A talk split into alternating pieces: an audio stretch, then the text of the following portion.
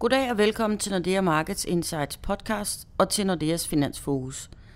Jeg hedder Karine Larsen, og i dag har jeg besøg af cheføkonom Helge Petersen. Velkommen Helge. Tak for det, Karina. Vi skal snakke om det amerikanske præsidentvalg, øh, der afgøres her om to uger. Og vi skal øh, snakke med danske briller på øh, og se på mulige scenarier, hvis vi ender med Trump som præsident, eller hvis det bliver Hillary, som lige nu fører an i meningsmålingerne.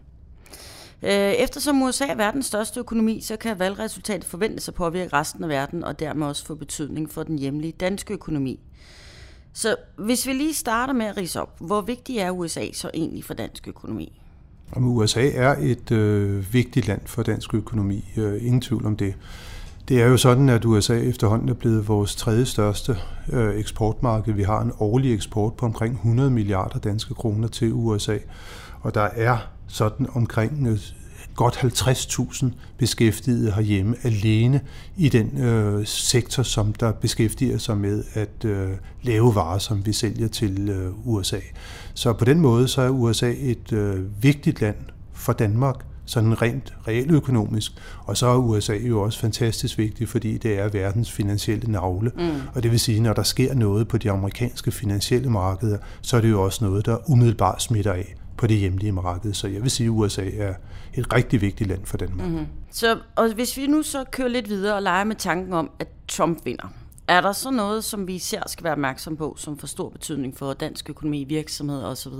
Jamen det, det er der. Øh, jeg vil sige, at normalt er det jo sådan, at amerikanske præsidentvalg ikke har den helt store betydning på de finansielle markeder, sådan set heller ikke for den førte økonomiske politik, som der er i USA. Fordi man har jo det her system med et øh, senat og et øh, repræsentanternes hus, der skal mm. ligesom godkende sådan større reformer. Og det plejer at ske nogenlunde fordrageligt omkring ændringer i, hvem det er, der er præsident. Men denne her gang kan det godt vise sig at blive anderledes, og ja. det er jo fordi, at øh, vi har Donald Trump øh, inde i billedet, og han er jo på mange måder en øh, farverig øh, person, men han er jo også en person, der har nogle holdninger til blandt andet frihandel, og det er jo mm. noget af det, som man kan sige, at Danmark som en lille åben økonomi jo lever rigtig meget af, som øh, der efter min øh, bedste overbevisning er bekymrende, fordi øh, Trump han er jo imod øh, globaliseringen, i hvert fald i den form, som øh, den har fundet sted. Øh, han er bekymret for,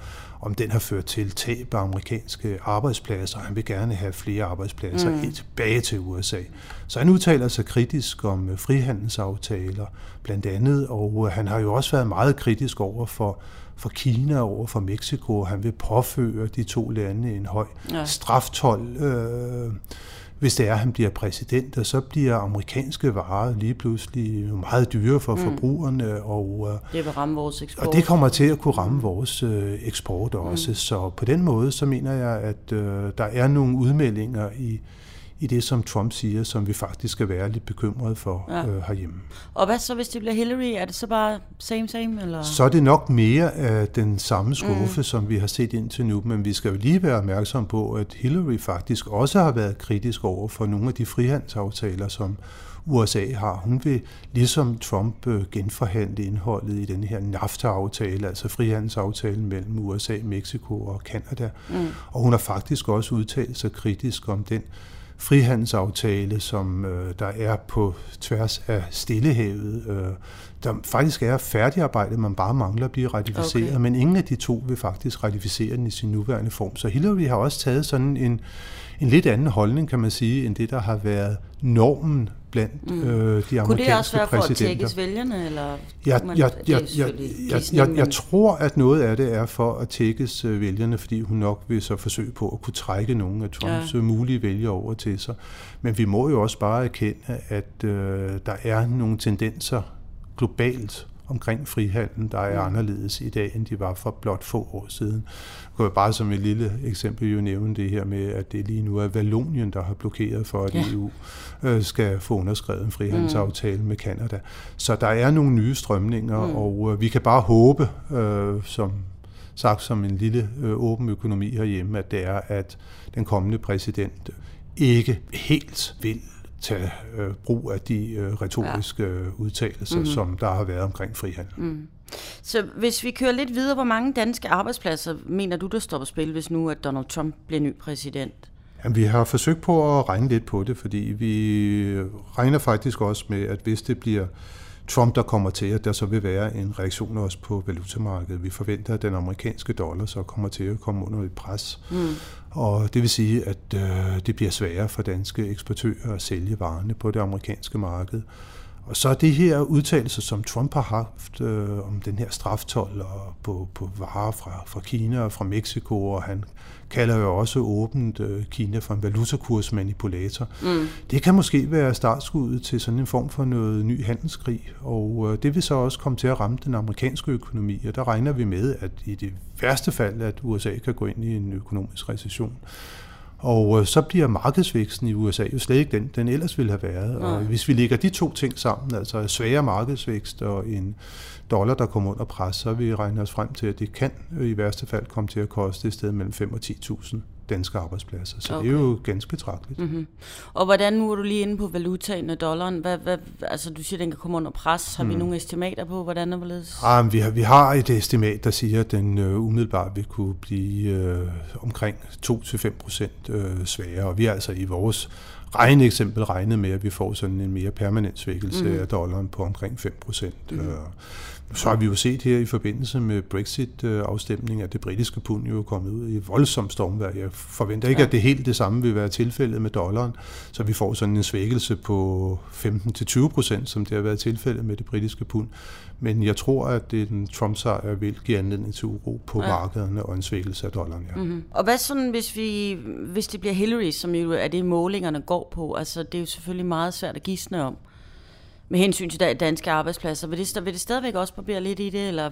Altså, der, det, vi, regner, vi regner med, som vi også snakkede om før, at det er mere sådan øh, vælgersnak fra Hillerys side. Øh, og også, at der er en større mulighed for, at blandt andet den her frihandelsaftale, som der er under udarbejdelse mellem EU og USA, at den kan blive til noget, mm. øh, hvis det bliver Hillary. Så det er mere sådan et øh, status quo-scenarie, hvor at den danske eksportfremgang til USA vil være relativt upåvirket.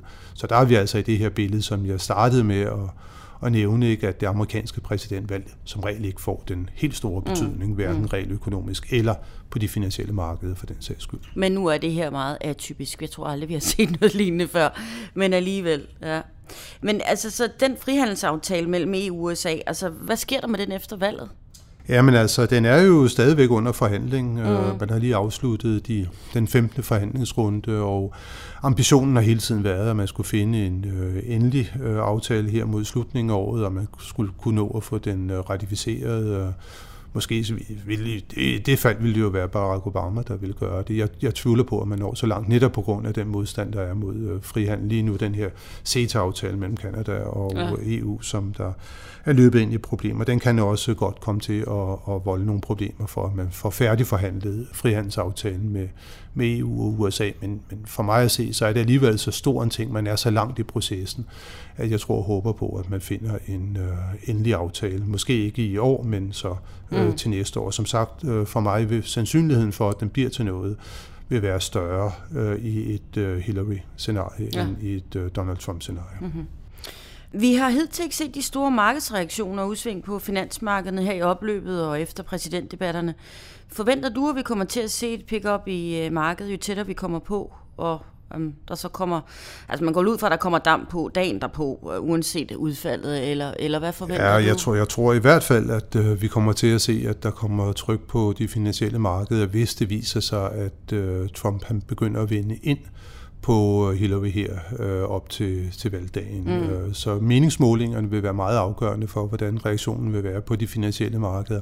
Men igen med Brexit øh, i baghovedet, det ja. viste jo, meningsmålingerne viste jo også, at mm. øh, det var Remain-lejren, der ville vinde. Det viser at blive det modsatte, der var tilfældet. Ja. Det kan jo også, selvom meningsmålingerne lige nu tyder på en relativt klar sejr til Hillary, så kan det jo stadigvæk godt gå hen og blive Trump. Og ja, det fald, nu så er jeg ret sikker på, at så får vi en masse øh, volatilitet øh, på de finansielle markeder øh, dagen derpå. Det er ja. jeg slet ikke i tvivl om. Ja. Tak Helge. Det bliver spændende at se, om vi får et Big Bang som er Brexit, eller det bliver en non-event. Vi holder opdateret på udviklingen i præsidentvalget og analyserer markedsreaktionerne i en række specielle fokuspodcast op til og efter valget. Så abonner på vores podcast, så får du dem så snart de udkommer. Og så kan du som altid finde vores research og markedsopdateringer på emarketsnordea.com. Og så kan du også besøge os på LinkedIn og følge vores analytikere som Helge på iTunes og Twitter. Tak for denne gang, og på snarlig genhør.